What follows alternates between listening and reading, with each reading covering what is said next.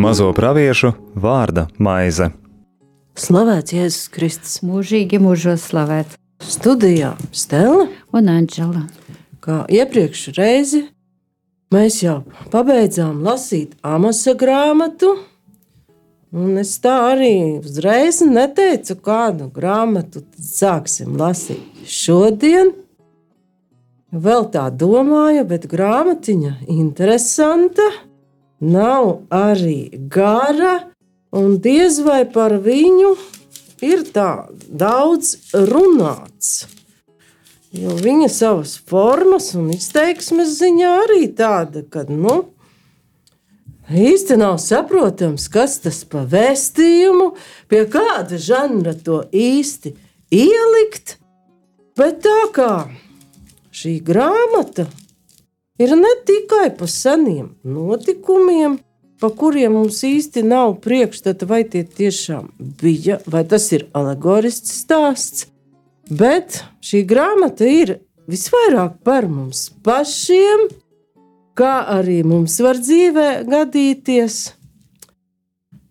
Tad tomēr lasīsim pravieša Jonas grāmatu.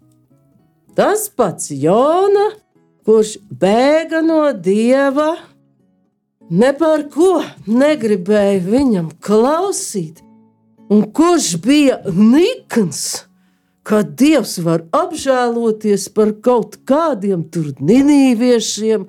Nu, mūsdienās tas būtu Latvijā pat nepareizas partijas politiķiem vai kādiem vēl mums nepieņemamiem cilvēkiem.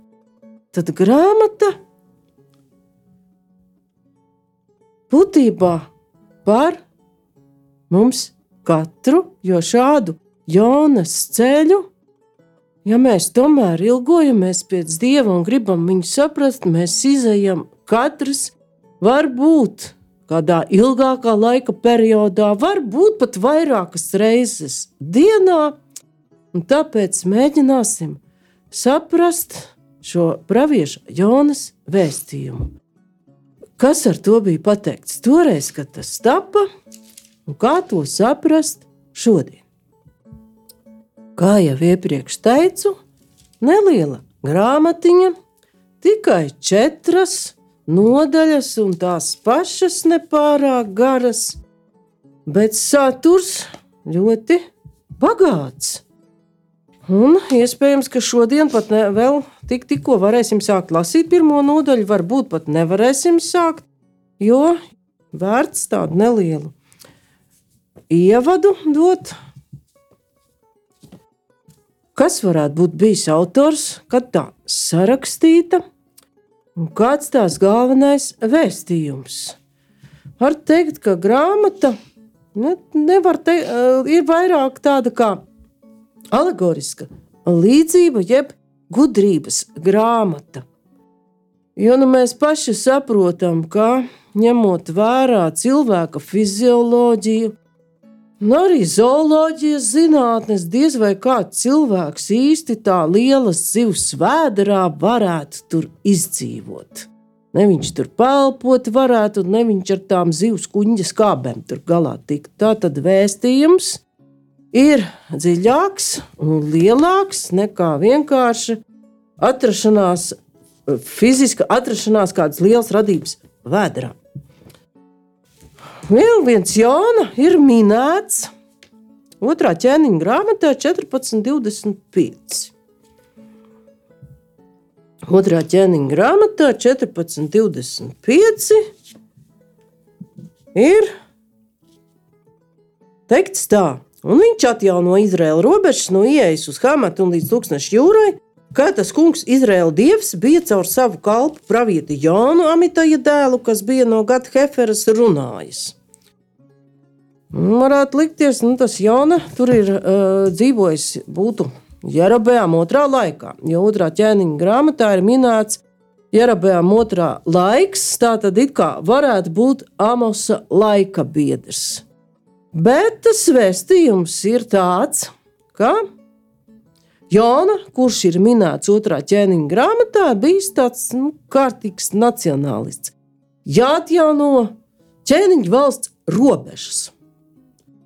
Bet Jānis, starp citu, arī Amitai dēla grāmatā, kura nu ir nonākusi mūsu priekšā, vēstījums ir pavisam cits.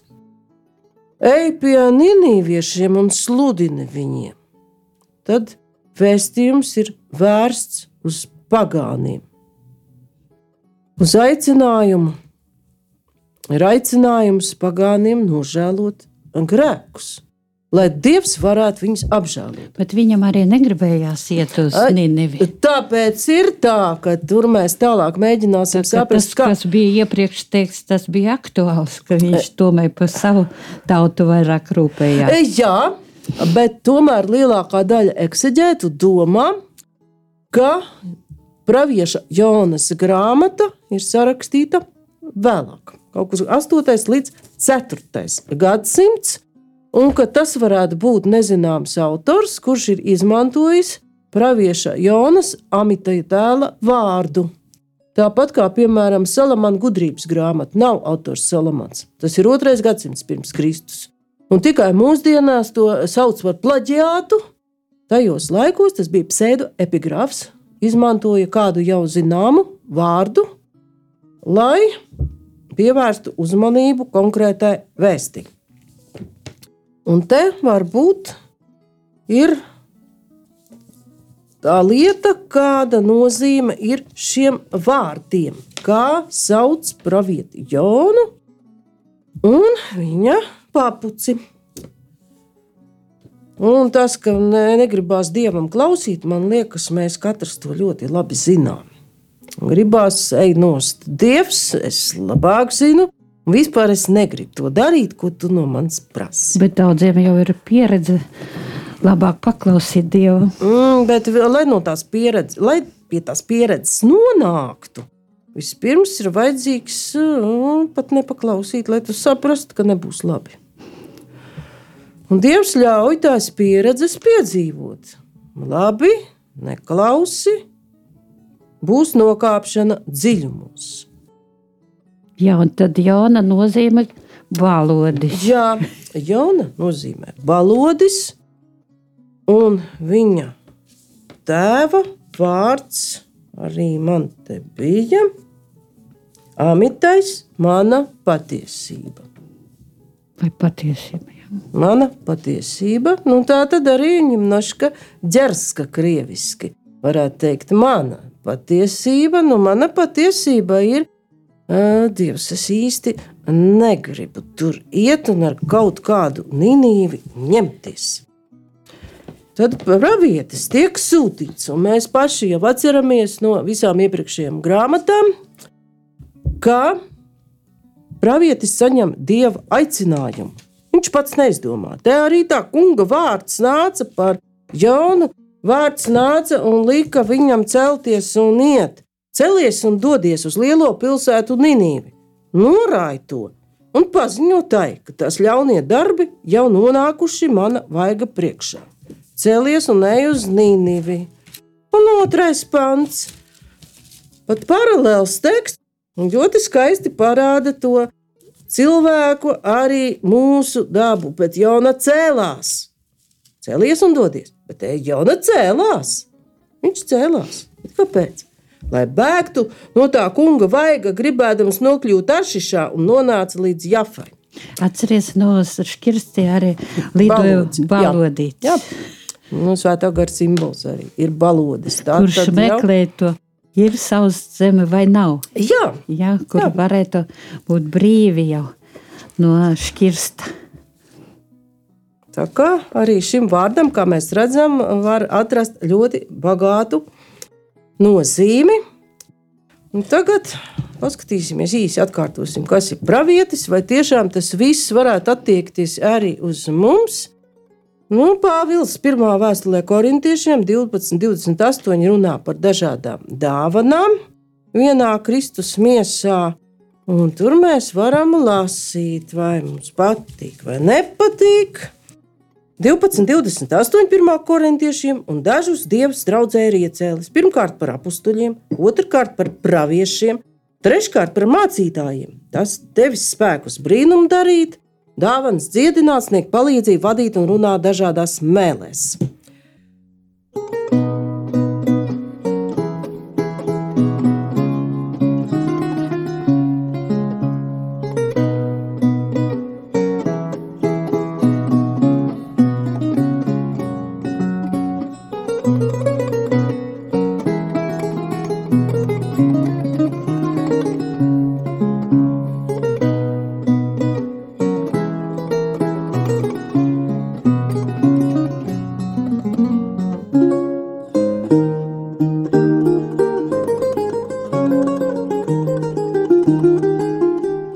Studijā Stela un Anģela.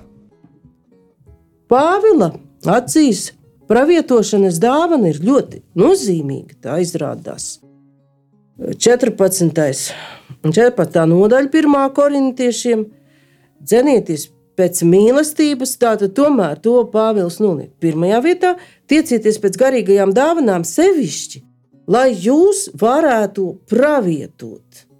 Jo kas runā mēlēs, tas nerunā cilvēkiem, bet dievam. Jo neviens nesaprot, viņš garā runā noslēpumus. Bet kas pravieto, tas runā cilvēku celšanai, pamudināšanai un iepriecināšanai.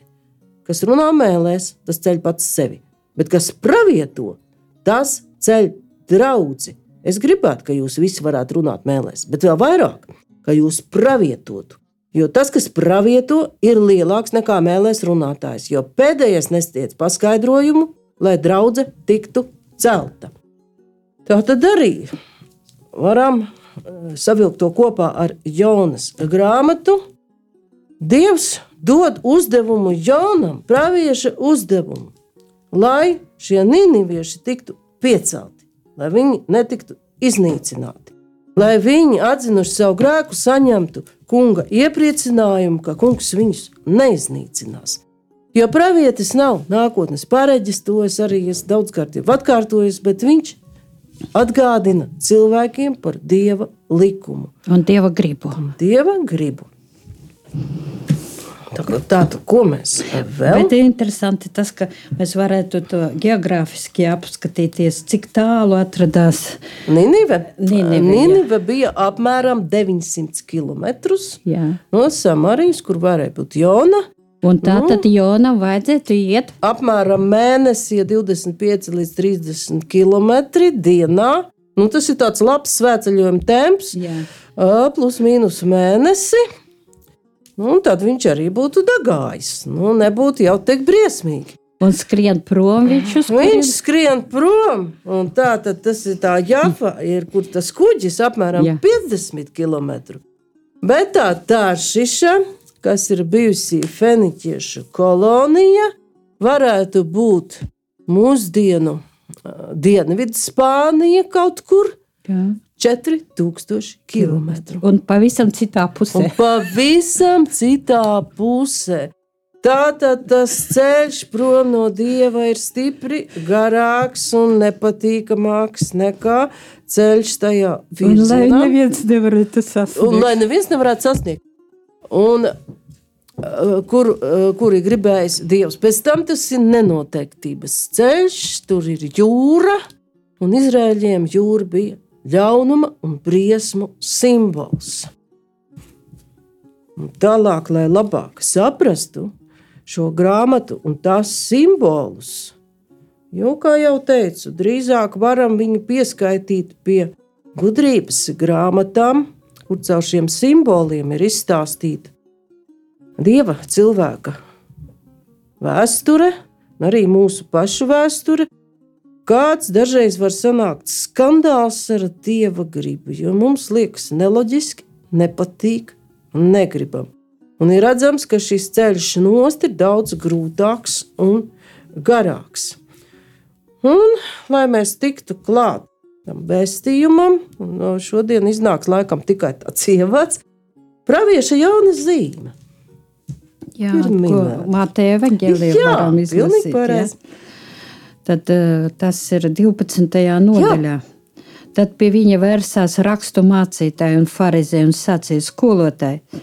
Mēs no tevis vēlamies kādu zīmi redzēt. Jēzus tiem atbildēja: Samaitāta un laulības pārkāpēju paudze meklē zīmi, bet cita zīme tai netiks dota kā vien pravieša Jona zīme. Kā Jona trīs dienas un trīs naktis bija milzu zivs vēderā, tā arī cilvēka dēls trīs dienas un trīs naktis būs zemes sirdī. Paldies! Tad redzam, šeit to runā Dieva dēls Jēzus, kurš nebēga no Dieva gribas. Viņš izpildīja tēva gribu. Un arī Pravietis. To- Jona izpildīja tā teikt, viņš gāja uz Rīgu caur ģelgavu, jeb kā uz aglonu caur salkrastiem, bet tomēr izpildīja. Šeit iestājās šis viņa cilvēciskums. Un ko tad varētu nozīmēt kopumā šī vēsts? Par to 2017. gada raidījumā Svētrīts tādu labu un dziļu skaidrojumu ir devis teologs Juris Rubenis. Un ir vērts atsevišķus aspektus tomēr pieminēt. Bet Jona ir cilvēks, kas nobijies no dieva, ka jādodas uz kaut kādu nezināmu pilsētu pie kaut kādiem nezināmiem cilvēkiem. Jo vēlāk, mēs mēģināsim saprast, kas ir tā Nīnīva un kas tā tur ir pa tautu, Jonas panika ir diezgan, un negribēšana tur doties diezgan loģiska. Bet šie notikumi, jo Jonas sākumā pasaka, nē, viņš griež ilgstis uz otru pusi, dodas prom, notikumi viņu aprīj, noved prom no dieva. Un aprīz zivs. Un tā zivs nozīmē, ka Jona nonāk tumšā telpā. Un lielākais garīgais spēks nāk tieši no šīs tumšās telpas, un Dievs darbojas tieši šajā tumsā, kur Jonas sēž tās zivs vēderā. Un mēs varam nonākt pat pie tāda secinājuma, ka šāda tumsa, kas mūs aprīja, ja mēs pagriežamies uz otru pusi, tā nav ļaunums. Bet tā var būt arī kaut kas svēts un bijājams. To saka Jānis no Krusta. Un viņš ir pat teicis tā, jo Jona nonāk naktī. Viņš nonāk pat tur pašos, pašos eh, dziļumos, kā mēs vēlāk lasīsim, ka viņš sēdēdams zivs vēderā pat Es biju nolaidies līdz dziļākajiem kalnu pamatiem, zemes aizsprosti šķiet aizdarījušies aiz manis uz mūžu.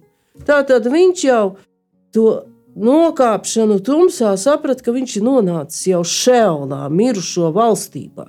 Tur atkal ir šī paralēle ar Kristu, kurš nokāpis mirušo valstībā un sludinājis garīgi mirušo valstībā. Bet Jānis no Krusta saka, ak, ceļa rādītāja nakts. Ak, nakts daudz mīļāka par dienu. Ak, nakts, kas vieno mīlētāju un ar mīlēto pārvēršot mīlēto mīlētājā.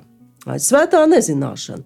Tas ir tas, kā to redz teologs Juris Rubens, ko pārdzīvo pravietis Jona, ka viņš ir pateicis nē un atrodas šeit tumsā, šajā zivs vēderā. Bet arī es vēlētos vēl izlasīt. Atkārtot Jeremija grāmatu, pravieša tad, kad viņš arī tika aicināts, Dieva aicināts sludināt Dieva vārdu. Par mani nāca kunga vārds, pirms tevi radīja mātes miesās. Es jau pazinu tevi, pirms vēl tu pameti mātes klēpi, es jau svētīju tevi. Par pravieti tautām es iecēlu tevi. Es teicu, ak, kungs, Dievs, es nezinu, ko lai runāju. Es esmu vēl zēns, kungs man teica. Nesaki, es esmu vēl zēns, jo tu iesi visur, kurp tevi sūtīšu, un runāsi visu, ko pavēlēšu. Nebaidies no viņiem, es esmu ar tevi. Es glābšu tevi, saka kungs. Paldies! Tieši par šīm raksturvietām arī es domāju, jo pravieši vecajā derībā nevienmēr uzreiz saka, jā, ok, es iešu. Šeit Jeremijs uzskata, ka viņš ir pārāk jauns, nezinošs, ka viņš nezina, kā izpildīt šo kunga uzdevumu. Un kungs viņam pasaka, es būšu ar tevi. Vēl mēs varam redzēt līdzīgu ainu. Tātad Jeremijs nesaka nē, bet viņš redz sevi kā neatbilstošu. Tātad viņš pats sevi izvērtē atšķirīgi nekā viņi ir novērtējis Dievs. Un tas pats notiek ar vēl kādu Visēju lieku. Ja? Nu, vēl palasīsim, kā notiek ar mūzu. Ar mūzu. Ar mūzu, ar mūzu arī negāja nemaz tik viegli to visu pieņemt. Tā tad izceļošanas grāmata, trešā nodaļa, nu 11. Vispirms, tad Mūzus sacīja uz Dievu. Kad Dievs viņam saka, tagad te, es tevi sūtīšu pie faraona. Izved manu tautu, Izraēlu bērnus no Eģiptes. Tad Mūzes sacīja uz Dievu, kas es esmu, ka man jāiet pie faraona un ka man jāizved izrēlieši no Ēģiptes. Nu, tā viņš tur sāk jau, kas es tāds, un ka viņš nav cienīgs, ka viņam nepietiek tā spēka. Un Dievs sacīja, es būšu ar tevi, un šī būs tā zīme, ka es tevi esmu sūtījis, lai tu izvestu tautu no Ēģiptes. Jūs kalposit Dievam šī kalnā.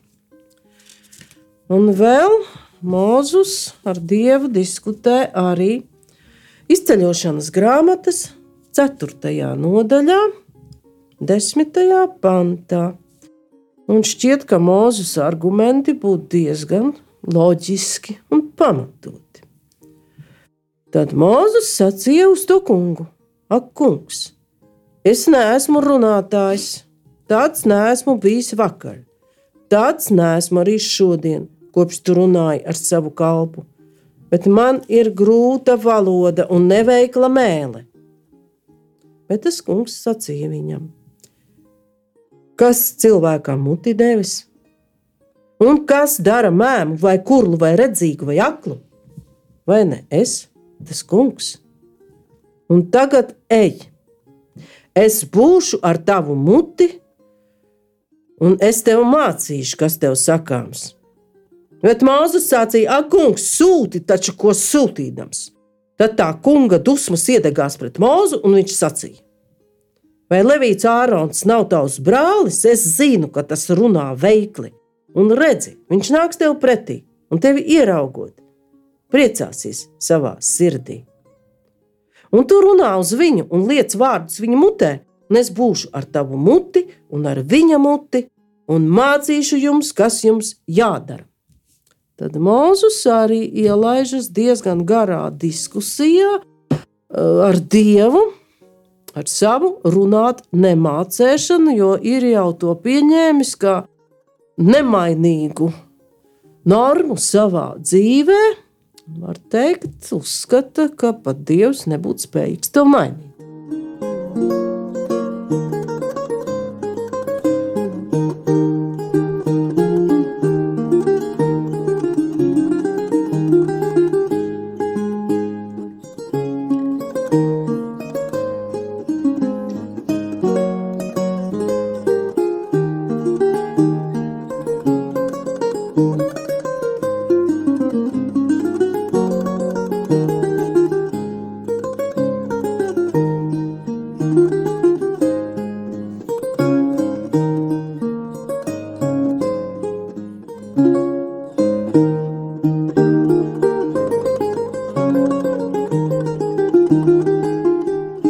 Studijā Stela un Anģela.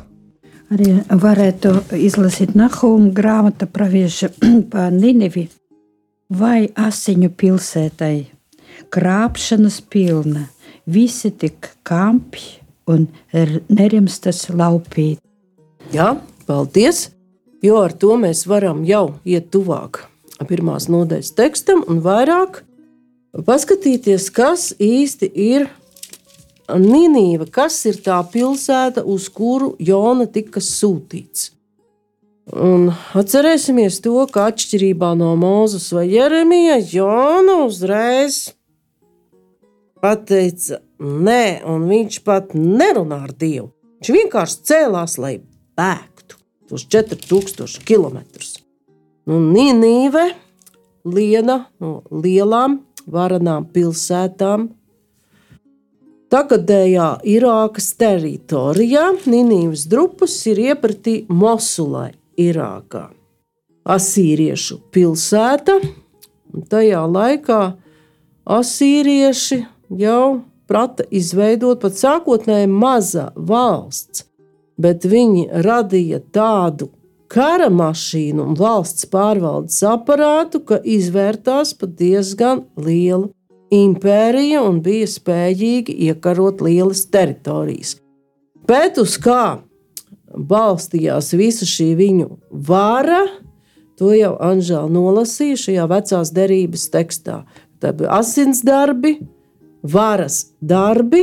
Un vēl Sofonija grāmata, Jā, jā, runā, šī ir līksmā pilsēta, kas bez bēdām dzīvoja, kas savā prātā domāja, tikas un nevienas citas, kā tad par postažu kļuvusi. Paldies! Tad tur jau Sofonijas runā par laiku, kad Nīnīva tiks iekarota un sagrauta, bet mēs varam savilkt kopā trīs lietas. Nu, tā tad Līksma pilsēta, nu, tā tad tur izspriedzes bija un varas darbi un asins darbi. Un viena no lielākām pilsētām bija bagāta. Jā, viņa bija ļoti pēc. Babilonas uzreiz. varēja- Uzreiz pēc Babilonijas, nu, un daudz kas izriet arī no tā, kāda reliģija bija. Ninīva ir minēta arī radīšanas grāmatā 10.11. Tā tad arī sena pilsēta.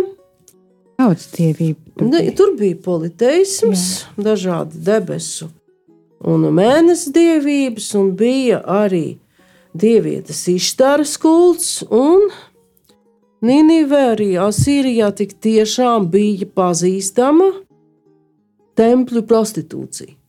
Tieši pie izšķēras kulta. Tā tad arī plauka un zēla izlaidība, uz ko norādes ir arī citās Bībeles grāmatās. Jo, ja atceramies, piemēram, seno Eģipti, Eģiptē tempļu prostitūcija nekad nav bijusi. Tā tad pagāta, izlaidīga pilsēta, kurā plauksta varas darbi, izpriecas, izlaidīga dzīve, bet šie darbi ir nonākuši kunga priekšā. Un varētu jau likties, ka kungs vienkārši varētu to Nīnīvu iznīcināt. Bet viņš grib sūtīt jaunu. Norāja to un paziņot tai, lai viņš pasaka pilsētas iedzīvotājiem un valdniekam, ka Dievs viņu varas darbus un visas citas lietas, kas ir pretrunā ar Dieva likumu, redz, un tam var būt diezgan traģiskas sekas. Un kā redzam, lasot Jonas grāmatu, Jonam sākumā tā mukšana it kā izdodas diezgan labi. Kuģi viņš atrod, kas brauks uz to taršišu 4000 km. Braucamo naudu ir samaksājis, un ir eh, tāda būtiska piezīme, iekāpa kuģī, kam bija viņš jāaizved uz Taršišu, projām no tā kunga acīm. Viņš domā, ka aizbraucot prom, izbraucot uh, ārā no apsolītās zemes teritorijas, no kuras viņš tiek sūtīts, viņš būs prom no kunga acīm. Tas kungs viņu neredzēs un it kā nevarēs kontrolēt. Viņš grib būt brīvs no šī kunga uzdevuma. Un tālāk jau mēs redzam, kungs lika pūst lielam vējam. Kaut gan sākotnēji šķiet, viss ir labi. Ceļa nav samaksāta, kuģītis ir, sākam braukt prom no kunga acīm. Un ar, šeit varētu izlasīt arī no Lūkas evanģēliem par Jēzus sekotājiem. Tā ir 9. nodaļa, 62. pants. Bet Jēzus tam teica: Neviens, kas savu roku uzlicis uz arkla un skatās atpakaļ, nedara dieva valstība. Paldies! Pagaidām! Tā kā arī šeit ir tas pats vārds, jau izstāstīts jaunās derības kontekstā. Un arī tur redzētu, ja mēs pētītu jauno derību, arī tur mēs redzētu, ka viens otrs nu, kā, uh, grib skatīties atpakaļ, kāpties nost, bet arī Jēzus mācekļi, izņemot vienu, spēja iziet šo Jonas ceļu un izpildīt Dieva doto uzdevumu. Bet kā tālāk notis, norisināsies Jonas bēgšana no dieva, to mēs skatīsimies jau nākamajā reizē. Bet šodien paldies par uzmanību. Studijā bija Stela un Anģela. Izskanēja raidījums Mazo praviešu vārda maize.